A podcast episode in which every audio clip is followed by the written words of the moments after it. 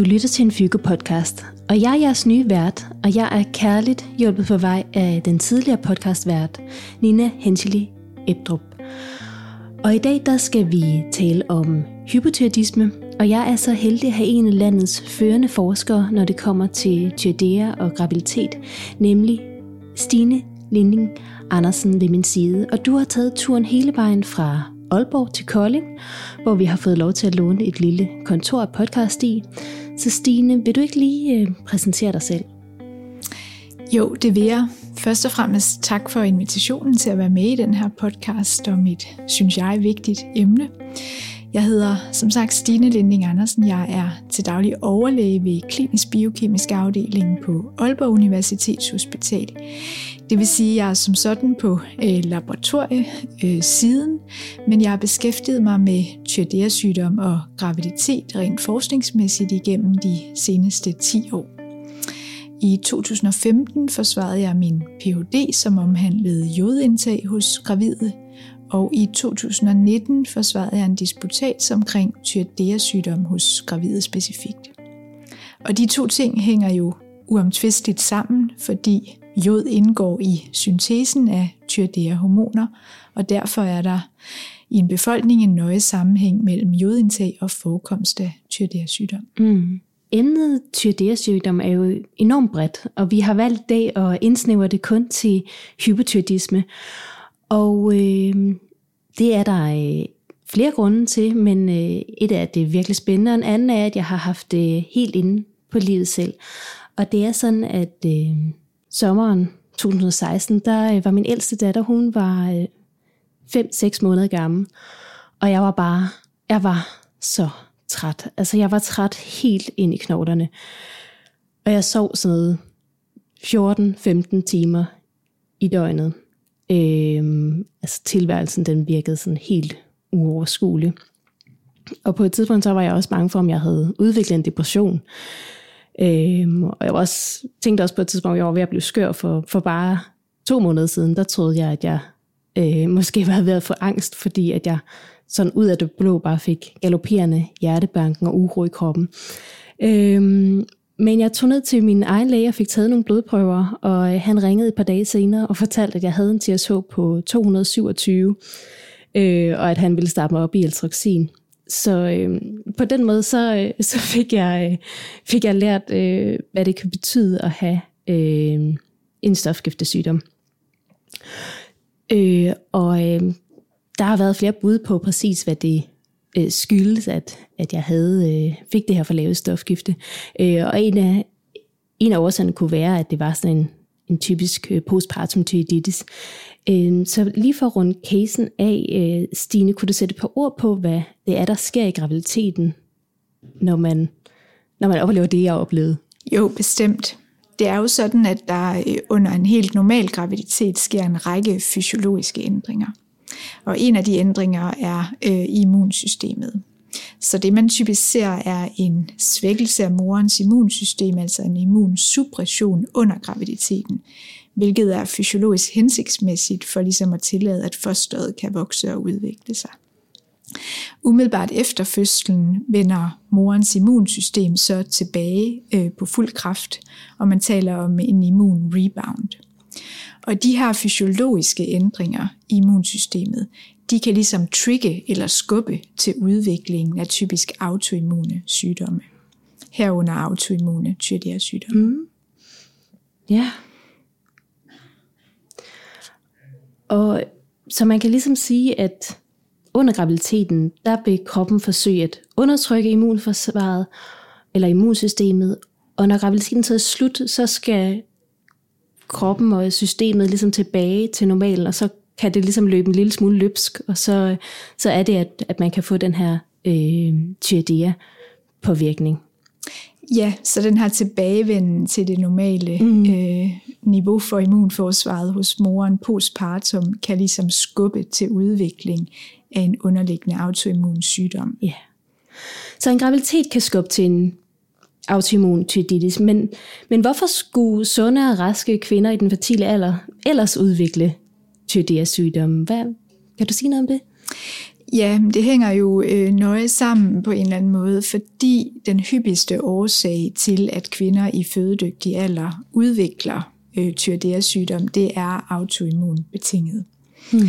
Øhm, så autoimmunitet er altså den hyppigste årsag både til øh, for højt stofskifte, hypotyreoidisme, og for lavt stofskifte, hypotyreoidisme hos kvinder i fødedygtig alder. Mm. For eksempel i lande som øh, Danmark. Ja, og hvor mange drejer det sig cirka om? Ja, det er altid lidt udfordrende det der med at sætte tal på, fordi så er vi straks ude i, hvordan definerer vi egentlig øh, sygdommene.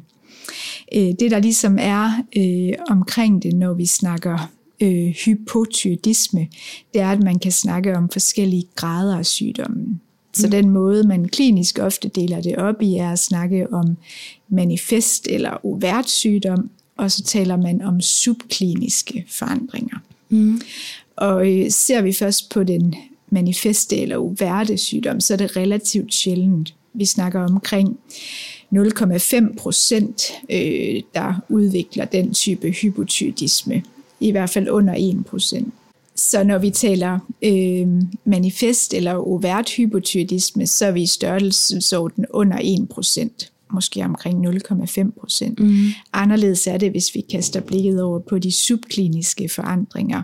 Så er det mere hyppigt, måske i størrelsesorden 2, 3 op til 5 procent, afhængig af, hvordan man definerer det. Ja. Og øh, nu kan jeg huske, øh, dengang jeg selv øh, stod med mit meget lave stofgifte, at jeg fik at vide af en klog endokrinolog, at, at det, altså, nu måtte jeg bare ikke blive gravid. Hvad, hvad er det, der er risikoen ved at blive gravid? Hvorfor er det, vi snakker så meget om øh, kvinder i den fertile alder og problemet med, at, at, at de løber ind i et for lavt stofgifte? Ja, hvorfor er det det her fokus særligt på sammenhængen mellem hypotyreoidisme og graviditet? Det er det jo, fordi øhm, tyreoidea-hormoner som sådan er det, vi kalder for essentielle udviklingsfaktorer. Det vil sige, at de har enorm stor betydning både for udvikling og vækst. Og det har man sådan set vidst i årtier eller århundrede. Helt tilbage i starten af 1900-tallet var der forskere, der lavede øh, diverse forsøg, hvor de undersøgte betydningen af tyreoidea-hormoner. Der var blandt andet særlig en forsker, Gudernach, i starten af 1900-tallet. Han legede med haletusser. Og han prøvede at fodre de her haletusser med forskellige ekstrakter, herunder et ekstrakt af skjoldbuskirtlen. Og så snart han fodrede haletusserne med skjoldbuskirtelekstrakt, så så han, at de blev til frøer. Ja. Så det var ligesom virkelig et af de førende indiser på, at okay, der er noget med de ja. her tyreoidea-hormoner og udvikling. Det er man jo så sidenhen blevet øh, meget klogere på, og man har ligesom også sidenhen fundet ud af, at den helt afgørende betydning af morens tyrdea-hormoner under en graviditet for graviditeten og fosterets udvikling. Mm. Det er sådan, at fosterets egen skjoldbuskirtel er først fuldt udviklet og funktionsdygtig cirka fra midten af graviditeten. Det vil sige, i den tidlige graviditet, hvor for eksempel hjerneudvikling er startet, der er det afgørende, at morens stofskiftehormoner er til stede i den rette koncentration. Ja. Ja. Og når vi så tager graviditeten, øh, kan du ikke lige tage mig og lytteren en tur omkring de fysiologiske ændringer i stofgiftet under en graviditet? Jo, bestemt. Der sker virkelig mange fysiologiske ændringer under sådan en graviditet, som jo er forbundet med helt normal graviditet, kan man sige. Mm, præcis. Og der er ligesom øh, tre ting, jeg plejer at huske på, når vi snakker øh, tyreoidea-funktion eller stofskiftet. Den første ting, der er øh, på spil, og som er meget dominerende, det er graviditetshormonet HCG fra placenta. Så HCG ligner øh, til en vis grad TSH, og kan stimulere skjoldbuskirtlen til en øget produktion af stofskiftehormoner. Ja. HCG-koncentrationen er allerhøjest eller piker øh, i første trimester omkring mm. graviditetsuge 9-10. Og som følge deraf ser man, at TSH øh, bevæger sig nedad hos gravide. Mm. Fordi HCG altså udøver sin stimulerende effekt på skjoldbuskirtlen. Ja. De andre ting, der er på spil under graviditeten, det er øh, Du må, I må undskylde, der er lige en, en fejemaskine her ude foran øh, på øh, Kolding sygehus, men øh, jeg tror, vi, vi prøver bare at fortsætte ufortrødent. Så det var ligesom den første del, der var Ja. HCG-effekten. Mm. Det andet, der er fysiologisk sker under graviditeten, er, at vi også har østrogen. Østrogen påvirker leveren til at øge syntesen af bindingsproteiner generelt. Et af de bindingsproteiner, det er TBG, tyroxinbindende globulin, som binder tyredeahormonerne, når de cirkulerer i blodbanen. Ja. Og når vi får en stigning i TBG, så vil der bindes mere tyredeahormon til, og derfor vil vi se en stigning i den totale hormonkoncentration, Mm. øh, når vi måler på tyredeahormonerne i blodprøver. Ja. Og den sidste ting, Mm. der er på spil, det er, at vi også ser nogle ændringer i øh, metabolismen af tyredeahormoner under graviditet.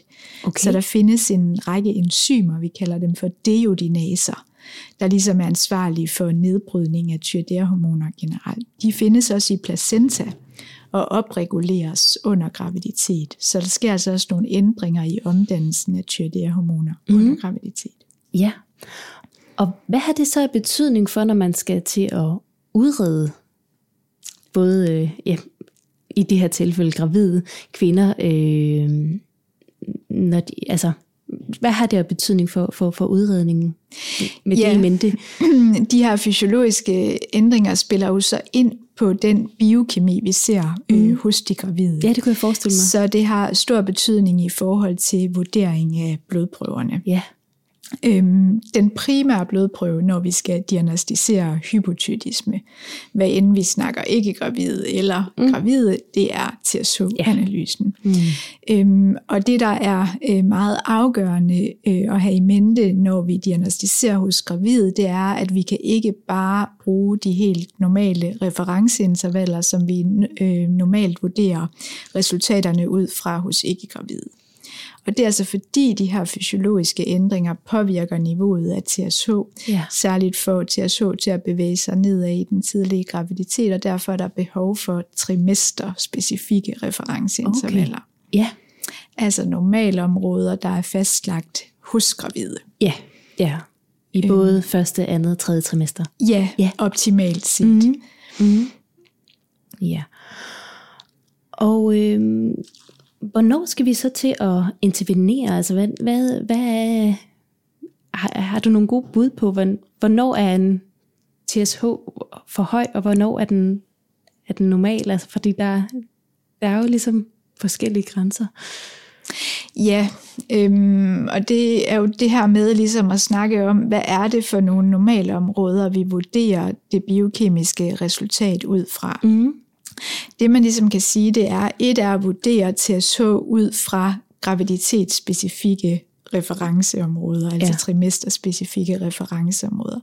Der snakker vi jo, hvordan ligger niveauet hos raske, og så finder vi 2,5 og 97,5 percentil. Mm. Øhm, det der er udover, at man taler om graviditetsspecifikke referenceområder, så taler man også om nødvendigheden af metodespecifikke referenceområder, Ja. fordi de biokemiske metoder måske ikke nødvendigvis måler helt ens. Nej. Så optimalt set er øh, guideline, at man ligesom skal anvende lokalt fastsatte metode- og graviditetsspecifikke referenceområder. Ja. Så bliver det konflikt, Ja. komplekst, ja. ja. Og er det ikke muligt, og har laboratoriet ligesom ikke fastlagt det, så er der i hvert fald i forhold til den nuværende danske endokrinologiske guideline en anbefaling om, at så kan man vurdere TSH ud fra en øvre grænse på 3,5 Ja. i første, 3,5. andet og tredje øh, trimester. Mm. Men det er ikke helt så simpelt som det, fordi spørgsmålet er, om det egentlig er referenceintervaller, vi skal vurdere TSH ud fra, eller om det snarere er beslutningsgrænser. Ja. Øhm, og det er der, det bliver en lille smule øh, komplekst, øh, og fortsat er noget uafklaret omkring øh, tyreoidea-sygdommen hos gravide. Det er, hvad er det for en grænse, vi helt bestemt mener er den, der er den farlige, og Mm. der, hvor vi med sikkerhed skal intervenere. Ja. ja. Og hvor hyppigt er det, at gravide går med et for lavt stofgifte? Altså, øhm, det svarer jo lidt til de hyppigheder, vi talte om øh, tidligere, mm. øh, omkring hvor hyppig er autoimmun yeah. hos gravide. Og vi her igen øh, ser på hyppigheden i forhold til, om vi taler overt manifest mm. hypotyreoidisme eller subkliniske forandringer. Og for lige at dvæle en lille smule ved de øh, definitioner, så er det jo, at når vi taler overt manifest hypotyreoidisme, så er der både abnorm TSH, altså forhøjet TSH, og også lav til 4. Ja. Hvorimod, når vi snakker subkliniske forandringer, så er det en isoleret øh, høj TSH, uden at T4 har bevæget sig uden for normalområdet. Mm. Ja. Øhm, og igen snakker vi, at overt manifest hypotyreoidisme, jamen det er 0,5 procent eller derunder øh, af alle gravide, hvorimod de subkliniske forandringer, afhængig af definitionen og hvad for en TSH-grænse man vælger, godt kan afficere 2, 3, 4 procent af gravide. Mm. Det der jo så derudover også er øh, et fokusområde, når vi snakker hyppighed, det er, hvor hyppig er det at have kendt øh, for lavt stofskifte, når man er gravid, og hvor hyppigt er det at se ikke erkendte forandringer. Præcis. Øhm, fordi nogle kvinder kan gå med det uden at vide det, fordi mm. vi jo i dag ikke systematisk undersøger alle gravide ja. for, om de har forstyrrelser i stofskiftet. Ja. Og, og er, er det en, noget, I har, har undersøgt, det her med, hvor mange der går med en uerkendt lavt stofskifte? Ja, øh, vi har haft adgang til flere datakilder og ligesom kørt flere projekter øh, i Danmark for ligesom at belyse, hvad bør normalområdet være for øh, TSH hos gravide, og hvor hyppigt er det så at have øh, abnorm TSH. Mm. Og det vi har øh, datamateriale, vi har haft mulighed for at bruge, det har været blodprøver fra et stort antal gravide, altså flere tusind, mm. øhm, som har været taget på anden indikation. Ja. Det er altså blodprøver, der er taget fra en stor uselekteret gruppe af gravide, uden at det havde noget som helst med tyredea sygdomsdiagnostik at gøre. Ja. Og på de blodprøver har vi så bagudrettet retrospektivt efterfølgende, altså år efter de her kvinder var gravide, mm. taget blodprøverne op af fryseren og målt tyrdea-parametrene. Ja. Og det vi kan se i det materiale er, at det er ikke helt sjældent, at danske gravide har abnorm TSH, uden at det var diagnostiseret. Nej. Så ser vi på den øh, manifeste overte hypotyreoidisme, altså hvor både TSH er abnorm og T4 er øh, lav, så finder vi øh, på danske data cirka en forekomst af 0, der hedder 0,2 til 0,3 procent af okay. gravide, der har det. Ja. Og det passer meget godt med de data, man har fra andre lande og andre tilsvarende øh, kohorter. Ja. Så det er jo sjældent, øh, men det er men det der. Er der. Ja. ja. Ja, og det har jo en, altså, ja, kan jo have en kæmpe betydning for, for både kvinden og også hendes ufødte barn. Hvad, hvad er det, øhm, hvad, hvad er det, det har betydning for fosteret, at mor har et for lavt stofskifte? Ja, der skal vi tilbage til det her med tyrdea-hormonerne som udviklingsfaktorer, mm. og det, at de mm, har en rolle for fosterets udvikling generelt, men særligt har man vist, at de har betydning for den tidlige hjerneudvikling. Ja. Det har man vist eksperimentelt og også i observationelle øh, kliniske studier. Og sådan den mest historiske baggrund for det øh, ligger noget tilbage i tiden, til den gang, hvor man endnu ikke havde indført systematisk jodberigelse i mm. mange lande. Der skal Så vi har der lige. Og et af de sådan kliniske eksempler, vi har på den her afgørende betydning af øh, morens tyrdea-hormoner i forhold til barnets udvikling. Det er i dag et historisk eksempel, men ikke desto mindre vigtigt at øh, fremhæve. Og det er beskrivelsen af kretinisme øh, tilbage i 1950'erne, 1960'erne, før en man øh, rundt omkring i verden havde indført systematisk jodberigelse. Mm. Der så man i egne af verden med svær, svær jodmangel, at gravide havde svær jodmangel, og dermed øh, for lavt stofskifte, og man så, at deres børn blev født med svært øh, fysisk og psykisk udviklingshæmning, såkaldt ja. øh, kretinisme. Ja. Så det er ligesom et af de eksempler, vi har øh, historisk på betydningen af tyredea-hormonerne. Øh, mm. Det har man så siden kigget mere og mere på og øh, arbejdet mere og mere ud fra den her betragtning omkring en føtal programmeringshypotese. Mm. Den hypotese taler man også om i forhold til en række andre sygdomme, som øh, moren kan fejle under en graviditet, ja. for eksempel diabetes. Okay.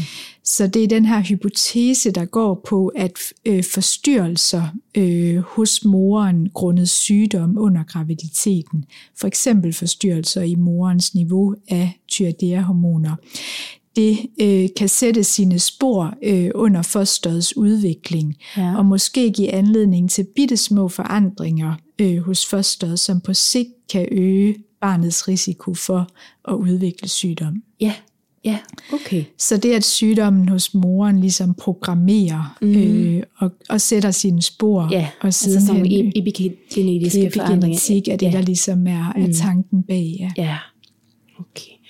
Men når nu det er så altså, svært, svært uhensmæssigt for mor at gå rundt med et lavt stofskifte, og decideret farligt for mm. fosteret, at mor har et lavt stofskifte, hvorfor screener vi så ikke bare hele Danmark, eller alle de gravide mm. nationalt?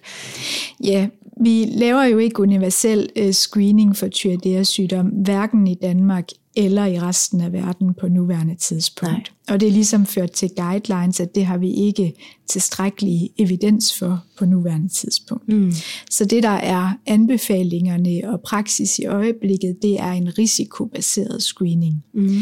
Det vil sige, at man undersøger de øh, gravide, hvor man a priori tænker, der kunne være en øget risiko for, at de fejler noget ja. i deres øh, tyrdea. For eksempel øh, gravide med andre autoimmune sygdomme. Mm. Egentlig også gravide, der har en familiehistorie øh, med øh, tyrdea sygdom. Ja gravide, der tidligere har fået haft påvist en abnorm TSH, mm. og så fremdeles. Så ja. det er altså en, en fokuseret, risikobaseret øh, screening. Mm. Grunden til, tror jeg, at vi ikke, i hvert fald endnu, er hoppet derfra, fra den risikobaserede approach til den universelle screening, er især fordi der er tvivl om og usikkerhed omkring, hvad er det for en TSH-grænse, ja. vi skal ind og intervenere på. Mm. Øhm, når vi snakker komplikationerne, så er der ingen tvivl om, at vi både historisk, eksperimentelt og også observationelt ligesom ser, at det, der særligt har betydning, det er den svære, ubehandlede og uerkendte hypotytisme. Mm. Øhm, for eksempel for at sætte tal på, når vi snakker til uerkendt TSH over 10, ja. så har man i vores studier og i andre studier vist, at der er der altså en øget risiko for ø komplikationer. Mm. Men der, hvor tvivlen opstår, det er længere nede på skalaen. Ja. Det er den TSH, der er lige oh, over ja. øvre referencegrænse, lige måske lige over øh, 3,5 ja. i niveau mellem 3,5 og 5. Hvordan mm. går det der, og gør vi der en forskel ved at opspore øh, sygdommen og behandle? Ja. Det beskæftiger man sig rigtig meget med, og man har haft rigtig meget fokus øh, videnskabeligt på øh, de her bittesmå forandringer i morens stofskifte og betydningen af det. Man har været helt nede omkring til at så grænser på 2,5, mm. som ligesom var anbefalingerne tidligere, ja. og set på, gør det nogen forskel, at vi behandler morens stofskifte under graviditeten, hvis TSH er mellem 2,5 og 4 for eksempel. Ja. Øhm, og det har man også undersøgt i store randomiserede kontrollerede forsøg, men man har ligesom ikke i nogen af de undersøgelser kunne finde en overbevisende effekt af behandlingen. Nej. Det andet, der er øh, udfordrende og på spil i forhold til den her årsagssammenhæng, det er betydningen af den underliggende autoimmunitet. Mm. Så abnorm TSH og hypotyreoidisme hos gravide er jo langt overvejende autoimmun betinget. Ja. og det associerer med forekomsten af tyrdea peroxidase antistoffer, TPO-antistoffer, ja. som også ofte hører sig med i udredningen, hvis mm. man har fundet abnorm TSH, for ligesom samtidig at vurdere den autoimmune genese eller baggrund. Ja. Men hele tvivlen går stadig lidt på, når vi snakker graviditetskomplikationer, hvad er årsagsmekanismen? Er det den abnorme TSH alene? Mm.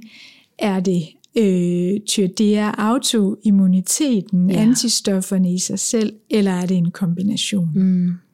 Så derfor er der stadig nogle ja. uafklarede forhold omkring, hvad er det, vi går ind og intervenerer på, ja. og hvornår. Ja, så det jeg hører dig siger, det er, at der, der er lidt for mange ubekendte faktorer endnu til at kunne sætte en stor screening op, men at det jo i princippet godt kunne have sin gang på jord, men at der var nødt til at være et setup, hvor man ved præcis, hvad det har af betydning, det man måler, og hvorfor man gør det, men også at man skal have sat en helt præcis grænse for den her TSH og have nogle, en, en, en god evidens for, at man sætter den grænse. Da vi snakkede sammen i telefonen, Stine, så snakkede du også om, at at man måske også kunne have en screening, som mindede lidt om screening for de øh, kongenite øh, tyredea-sygdomme. Altså det her med, at der en prøve bliver sendt afsted til øh, Serum Instituttet, bliver analyseret, og så får man svar tilbage, hvis den er helt abnorm.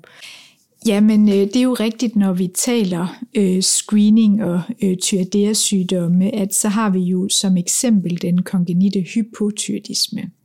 Den har man øh, screenet for i Danmark og mange andre lande igennem en øh, årrække, hvor vi jo undersøger øh, blodprøver fra alle nyfødte og måler til at så med henblik på at finde kongenit hypotyrisme. Mm. Det er en ret sjælden sygdom, så det man typisk finder der er, at kongenit hypotyrisme vil være til stede hos en ud af 3.000 undersøgte. I modsætning dertil, hvis vi øh, drejer fokus igen over mod de øh, gravide, og der ser på uerkendt manifest vært hypotyrisme, så vil det være øh, i størrelsesorden 1 ud af 300. Mm. Mm-hmm.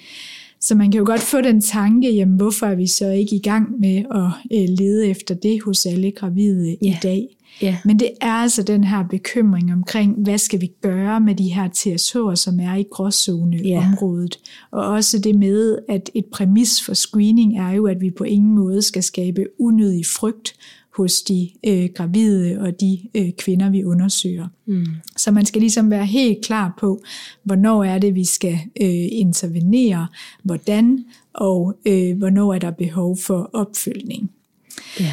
Og derfor er vi ikke endnu øh, der, hvor vi screener øh, alle gravide for øh, tyrdea-sygdom, men man kunne måske godt få den tanke, at man kunne blive inspireret af det setup, vi har for øh, den øh, screening, der kører i dag for kongenit hypotyreisme. Altså det med at lede efter svært abnorme forandringer mm. i en digotom ja-nej-skala, yeah. frem for at kigge på hele spektret af TSH og tyrdea øh, antistoffer. Mm. Ja. Og altså bare lige for sådan at, altså hvad, hvad, koster sådan en, øh, en TSH? Altså hvad er det, vil det være dyrt at skulle til at screene alle øh, og give et, give et svar, enten om det var øh, en TSH, som den er, eller om det er et digotonsvar. svar. Ja, det er selvfølgelig også altid en meget vigtig overvejelse i forhold til øh, screening. Det er øh, cost-benefit og mm. det økonomiske aspekt i det. Mm. Det man kan sige, det er, hvis man egentlig kunne komme omkring det ved alene at måle en TSH, så er TSH faktisk en relativt fra et biokemisk synspunkt øh, billig analyse. Mm. Men der er selvfølgelig også behov for en masse afvejninger og overvejelser, inden man eventuelt kunne sætte i gang, netop omkring cost-benefit, øh, og øh, hvad, hvad undgår vi, hvis vi screener øh, versus de komplikationer, vi ser. Ja, men jeg tror, du har meget ret i, at det, det vil være en god idé det her med, at man ikke kommer til at indgyde flere bekymringer hos de gravide end højst vente. Ikke? Altså at der ikke sidder en, en, en gravid kvinde og læser på sin mit sygehus eller inde på, øh, på nettet, at ej, nu har man en TSH på 2,5 eller 2,9 eller 3 eller noget, og så bliver dybt bekymret. Så, så det, øh, det, det, det tænker jeg, at, øh, at det vil jo være, være, være, være ærgerligt at skulle indgyde flere bekymringer, end højst nødvendigt er. Øhm, men Stine, vi skal jo sådan set til at runde af, og øhm, vi har været omkring øh, tyredia-sygdom hos øh, de gravide kvinder og kvinder i den fertile alder, og så har vi snakket om tyredia-hormonets enestående betydning for at danne nyt liv og små velfungerende hjerner. Og øh, ja, så nåede vi også lige at vende den nationale screening her til sidst, og det var jeg rigtig glad for. Og som jeg hørte dig sige, jamen, så kunne den godt have sin gang på jord i det rigtige setup, og med de rette, øh, med, med lidt mere viden på området, så kunne vi godt måske fange de store fisk og lade de små fisk øh, svømme hjem. Øhm, og hvis du er blevet øh, mere nysgerrig på tyrdea og graviditet, så kan jeg varmt anbefale, at man går ind og læser de nye nationale øh, vejledninger om øh, tyrdea-sygdom og graviditet og infertilitet øh, fra 2022.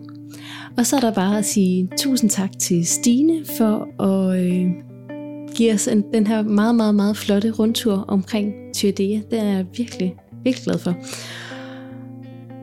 Så øh, tak til dig. Jamen selv tak. Det har været en fornøjelse. Du har lyttet til en Fygo podcast. Tak fordi du lyttede med.